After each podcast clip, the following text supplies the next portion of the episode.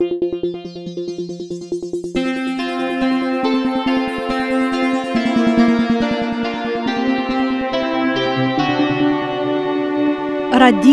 Esperanto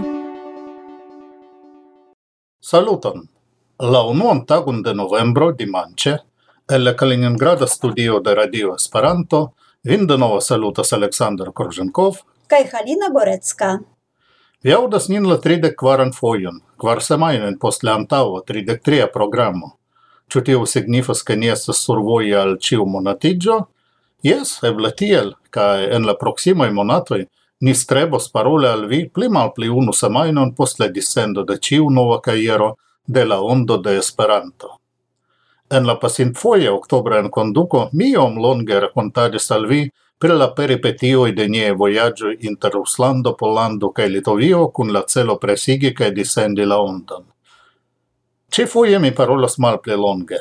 Intertempe ni redactis presigis cae disendis la novembran caieron de la ondo, cae en la tempo libera de la gazeto ni laboris cefe pri la enciclopedia proiecto Nia Diligenta collegaro. Ciu cio? Ebla yes, sed eh, nur unu plia novaĵo. En octobro, ni cun plezuro legis la rezulton pri la vendado de la libroservo de UEA dum la jubilea Centa Universala Kongreso de Esperanto en Lilo. Kiel cun plezuro? No, char en la listo de la dudec plei venditai libroi cae discoi la sepan locon cun quardec venditae exempleroi dividis la congresai paroladoi de Zamenhof, kiu ni reeldonis antu la congreso.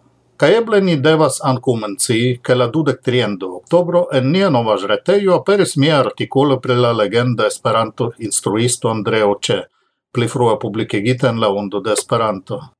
Kial mi mencias tion, compreneble, ciam aperas multa articolo en nia reteio, sed citiu articolo igis la mila articolo publicigita en nia nova reteio lancita la decquinan de decembro 2010 je la Zamenhofa tago. Tutta milo da articoloi, ciu ne menciinde? Post mal plio l'uno minuto, vi audos Kaliningradan feleetonon de Halina, in Esperanto novajoin, presenton de la novembra caiero de la Ondo de Esperanto, informon pre la venont jara bet, fine, anstatu canzonon en Esperanto, ni proponas al vi autunan poemon. Bonan auscultadon!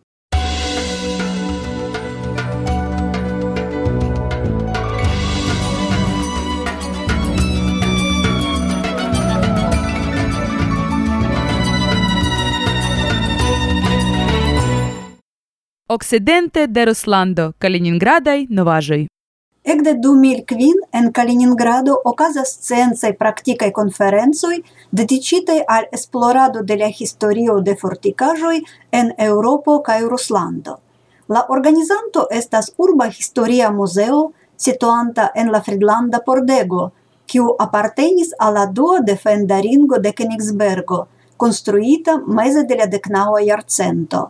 La pordego mem estis konstruita en 1862. Rapida evoluo de la milita tecnico en la decnaua iarcento causis che la fortikaĵoj de la dua rempara ringo ne povis defendi la urbon. ciu in apartenantajn al alla ringo, ciu igis parto de la urba architecturo, en 1910 la milit ministerio vendis alla urbo Königsbergo. Anto la unua mondmilito tra la pordego oni povis enveni en la urbon au forlasi ĝin. En 1912 ĝi iĝis la enirpordego de la parko, kreita surloke de la suda parto de la dua rempara fortikaĵaro. Dum la dua mondmilito, sama kiel en la unuaj jaroj de sia ekzisto, la Fridlanda pordego iĝis defenda konstruaĵo. Tra ĝi, la sepan de aprilo 1945, post bataloj eniris en Königsbergon la sovetiaj trupoj. Dum la milito la pordego ne estis grave damagita, kai dum la kvindekaj kai sesdeca iaro de la dudeca iarcento, gi servis kiel legom deponeio. Fine de la 1980 iaroi, en la parco estis efektivigita granda laboro pri purigado de lagoi. Estis trovita granda aro da militai kai heimai objektoj. Ili formis bazon de la musea kolekto. En 2002 la museo igis faco de la parco cae malfermicis por ciutaga visitado. Post ses jaroj ci ricevis memstaran statuson. La museo efectivigas diversain proiectoin kiel virtuala promeno tra Königsbergo, urba ekskurso per malnova tramo cae aliai. Hodiu mi volas rakonti pri la ĉiujara conferenzo organizata de la Museo Fridlanda Pordego. Cadre de la conferenzoi oni presentas raportoin ne nur pri historio, tipoi cae architecturae apartajoi de forticajoi, sed anco pri la postmilita stato de tiui construajoi, pri priparolas eblecon de museigo cae usado por turismaj celoi. Grava temo estas gardado cae conservado de la defendaj construajoi, interŝanĝo de spertoi de restaurado. Partoprenas en la konferenco muzeaj laborantoi, archivistoi, archeologoi, faculoi pri gardado de historiae obiectoi, loc historiistoi, cae interesigiantoi, al kiuj appartenas ancao mi. Ciu iare, estes el donata volumo cun prezentitaj raportoi. Regule venas al la konferenco Janusz Pokrzywnicki, esperantisto el la polanda urbo Toruń, kie li membras en la loca societo de ŝatantoj de forticajoi. Janusz esploras fortikaĵon en diversaj eŭropaj landoj, multe vojaĝas kaj laboras en muzeoj kaj arkivoj. Plurfoje li vizitis Kaliningradon, profunde konatiĝis kun ĝiaj defendkonstruaĵoj, fuortoj, pordegoj kaj fortikaĵoj. De kelkaj jaroj lia pasio iĝis esplorado de la fortikaĵoj en la haven urbo Baltisk, iama Pilao studado de documento, skemoj kaj mapoi en la arkivoj de Berlino, Freiburg kaj sur loca esploro en Baltisk, ce kiuj lin helpas ruslandaj kolegoj, faris lin eble la plej bona konanto de tiu temo. Anco en la jus pasinta conferenzo, Janusz Pokrzewnicki prezentis raporton pri la fortikaĵo en Pilau, sur base de la archiva esploroi, en la archivo de UNO en Genevo. Kelke raportoi estis dedicite al forticajo de Peterburgo kaj ties ĉirkaŭaĵo. Julia Ivanova racontis pri la problemo de restaurado de fuorto en Kronstadt. Ne mankis kontribuaĵoj ligite al Orienta Prusio. Lernejano Andrei Malachovski racontis pri la castello Balga, construita de la teotonaj kruckavaliroj. Senza kunlaboranto de la Museo de la Monda Oceano Galina Akimova – konigis la dek jaran funkciadon de histori-kultura centro La Granda Ambasado, situanta en la Regia pordego en Kaliningrado. Gien activadon iom limiga strikta temaro, kiun trudas aparteno al la Oceana Muzeo. Dum la paŭzoj kaj fine de la konferenco, Gie partoprenanto interŝanĝis opiniojn, diskutis, ligis kontaktojn kaj interkonsentis pri kunlaboro.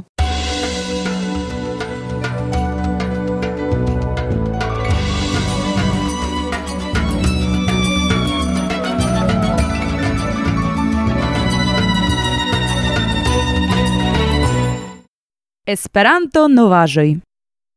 La dudecocen de octobro, vicepresidento de la Litovia Parlamento Gediminas Kirkilas acceptis la presidenton de Litova Esperanto Asocio Povilas Jegorovas. Il interconsentis che Kirkilas pertoprenos la internacian lingvo politikan konferencon perspektivoj de lingvo komunikado en Europa Unio, kiu okazos venont somera en la Slovakia urbo Nitra samtempe kun la centunua Universala Kongreso de Esperanto. En la rencontigio temis ancu pri la quindec due Baltia Esperanto tagoj, kiu okazos post unu jaro en Birstonas, precipe pri financa helpo de la Litovia Stato al bet quindec du. Estas konata ke Gediminas Kirkilas delonge subtenas Esperanton. Ekzemple, en la jaro 2008, li kiel ĉefministro de Litovio estis la alta protektanto de la unua tutmonda kongreso de esperantistoi ĵurnalistoj en Vilno – Tiam la registaro de Litovio sub lia gvido asignis al Litova Esperanto Asocio pli ol kvardek mil euroin por la organizado de la congreso. La 6 de octobro finigis unu semaina voĉdonado en Facebook, kiun la administracio de la stata Ŝtata Fervojkompanio lanĉis por scii, kiujn nomojn oni volas havi por dek novaj trajnoj de la kategorio Intercity.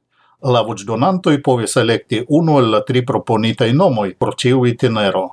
Unu el la dek trajnoj cirkulas ĉiutage inter Varsovio kaj Bjalistoko. En la voĉdonado pri ĝi plej multe da voĉe ricevis la nomo Esperanto, kiun preferis 3986 personoj. En la dua loco restis Narev kun 2000 dek unu voĉoj, kaj en la tria bojaro kun nur iomete pli ol ducent voĉoj. representita de Fernando Maia Jr., Brazilo, Namir Rodriguez, Dominica Respubliko, kai Miko Brandini, Usono, tutmonde esperantista junularo organizo Teio estis reelectita kun kvar aliaj organizoi en la plenum organo de la internacia kunordiga rencontigio de junularei organizoi. La electo okazis en la jarkunveno okazinta dum la tri lastaj septembrei tagoi en Novjorko. Doctorino Chiara Miconi estis representanto de la Esperanta PEN Centro en la 81a Mondkongreso de PEN, okazinta la dektrian deksesan de oktobro en la Kanada urbo Quebeco kun la ĉeftemo Traducado, Creado, Libereco. La Shanghai Instruista Universitato malfermis nedevigen Esperanto kurson en la Fremdlingva Instituto – kiun visitas pli ol quindec studentoi de la tria studiaro el la angla lingua facultato.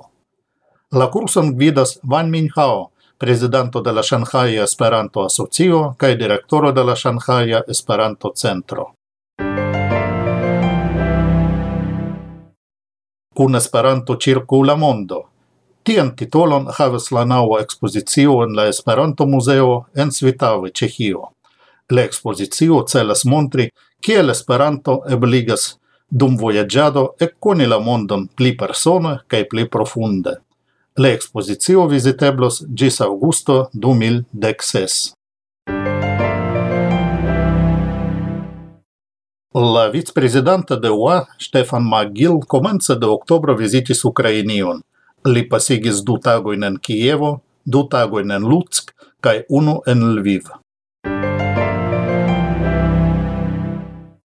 Ekde la dudek naŭa de septembro ĝis la kvine de octobro, en la Esperanto urbo Herzberg la decan foion okazis la tradicia octobre renkontiĝo pedagogia torpedo gvidita de Peter Cilvar kaj Jofia Korod.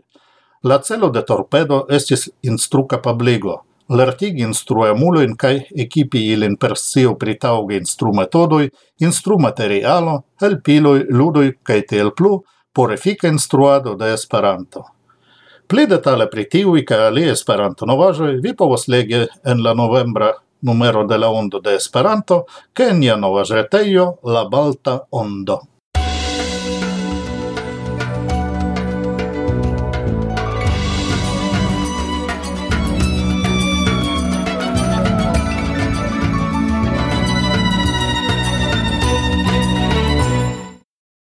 autunezzo de la novembra ondo sentigas jam en la covropagia foto, kiun Antanas Grincevičius faris en Birŝtonas iun belan oktobran tagon.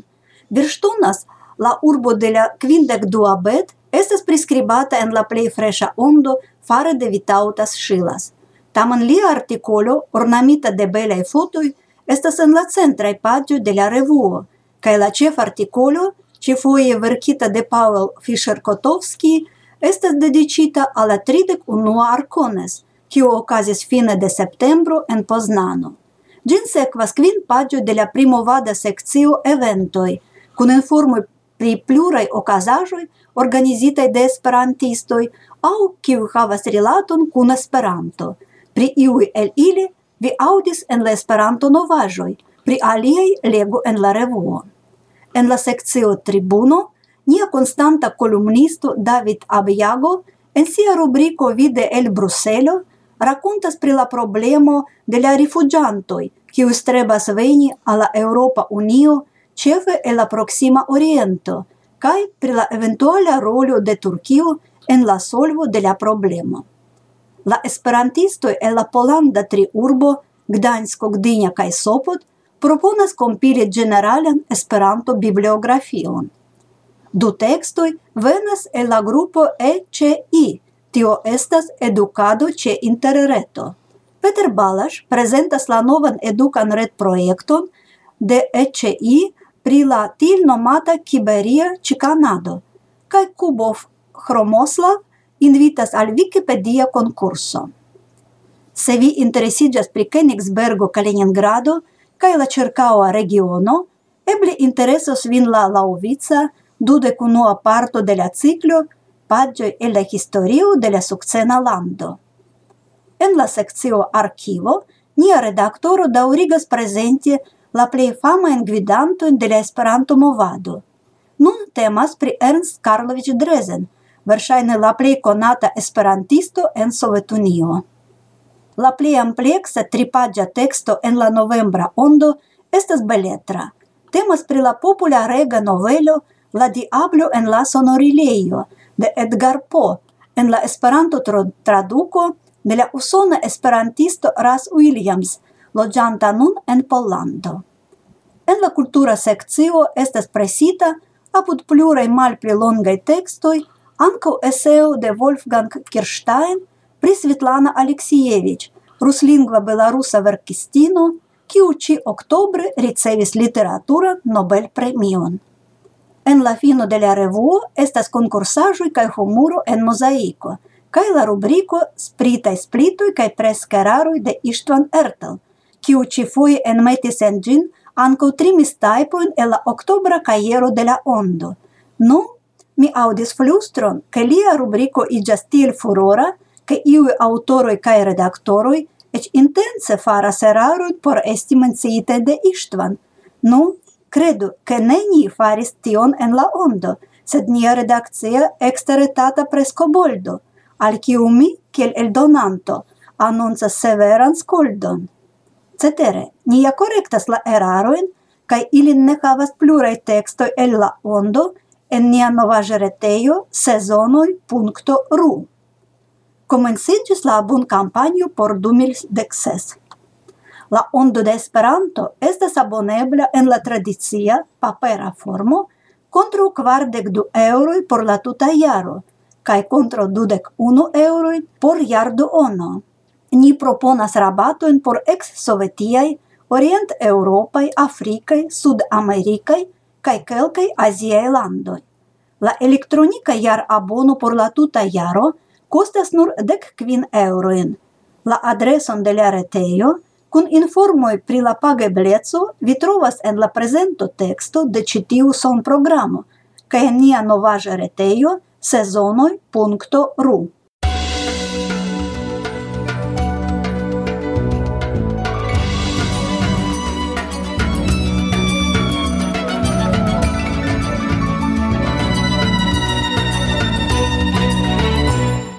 Litovo Esperanto Asocio invitas al la tradiciei quindec due Baltie Esperanto tagoi, kiu okazos ec de la dua gis la deca de julio 2016 en Birštonas, Litovio.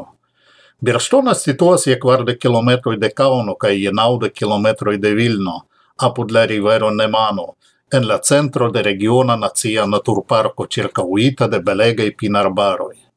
Gi estas malnova kai fama kuracloko de Litovio, fondita en la dekvara jarcento. La cefa localo de Bet Quindegdu estos la bonega equipita sanatorio Versmia, kie lodgius cae laboros la partoprenantoi. Eblos usi pli ol quinde curaza in cae saniga in proceduro in cae servo in de la sanatorio, nageion, saunon, sporteion, cae aliein. Oni povos raidi sur cevaloi, vaturi per ciaro, rivera ŝipo, lui biciclo in boato in cae simile, cae kompreneble je via dispono estos la Esperanto programo. Bet quindec du giuas subtenon cun laboron cae divers flancan helpon de la urba municipo. L'estraro de UA donis sian auspicion al bet quindec du. Plie informoi per la programo, aligiado, cotizoi, condicioi, calia efero ligitei cun bet quindec du, aperas cae aperos en nia novas reteio, sezonoi.ru. Vidu tie la menueron bet quindec du en la supra menuo, cae secu gin. Inter alia, somera 2004, antu de cunu iaro en Birstona siam ocazis bet quarde, cun circu ducent quindec partoprenantoi, inter kiu esis anco mi cae Halina.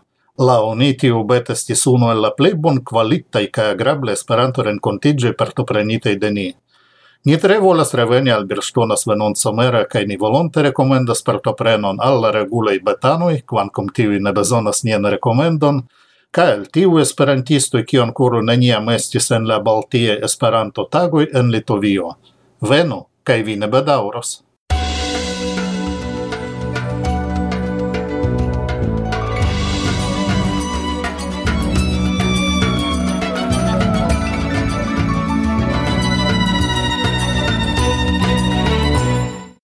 Literatura paggio Fine de nia son programo vi kutime audas canzonon en Esperanto, sed nun kiam autuno forte sentigas ce la Balta Maro, Halina legos por vi la poemon Autuna betulo de Hilda Drezen. Versaina multe el vi konas gin, sed iel okazis ke popularigis gia pli frua gazeta versio, sed ne tiu, kiun Hilda Drezen poste poluris por sia poemaro Norda Naturo.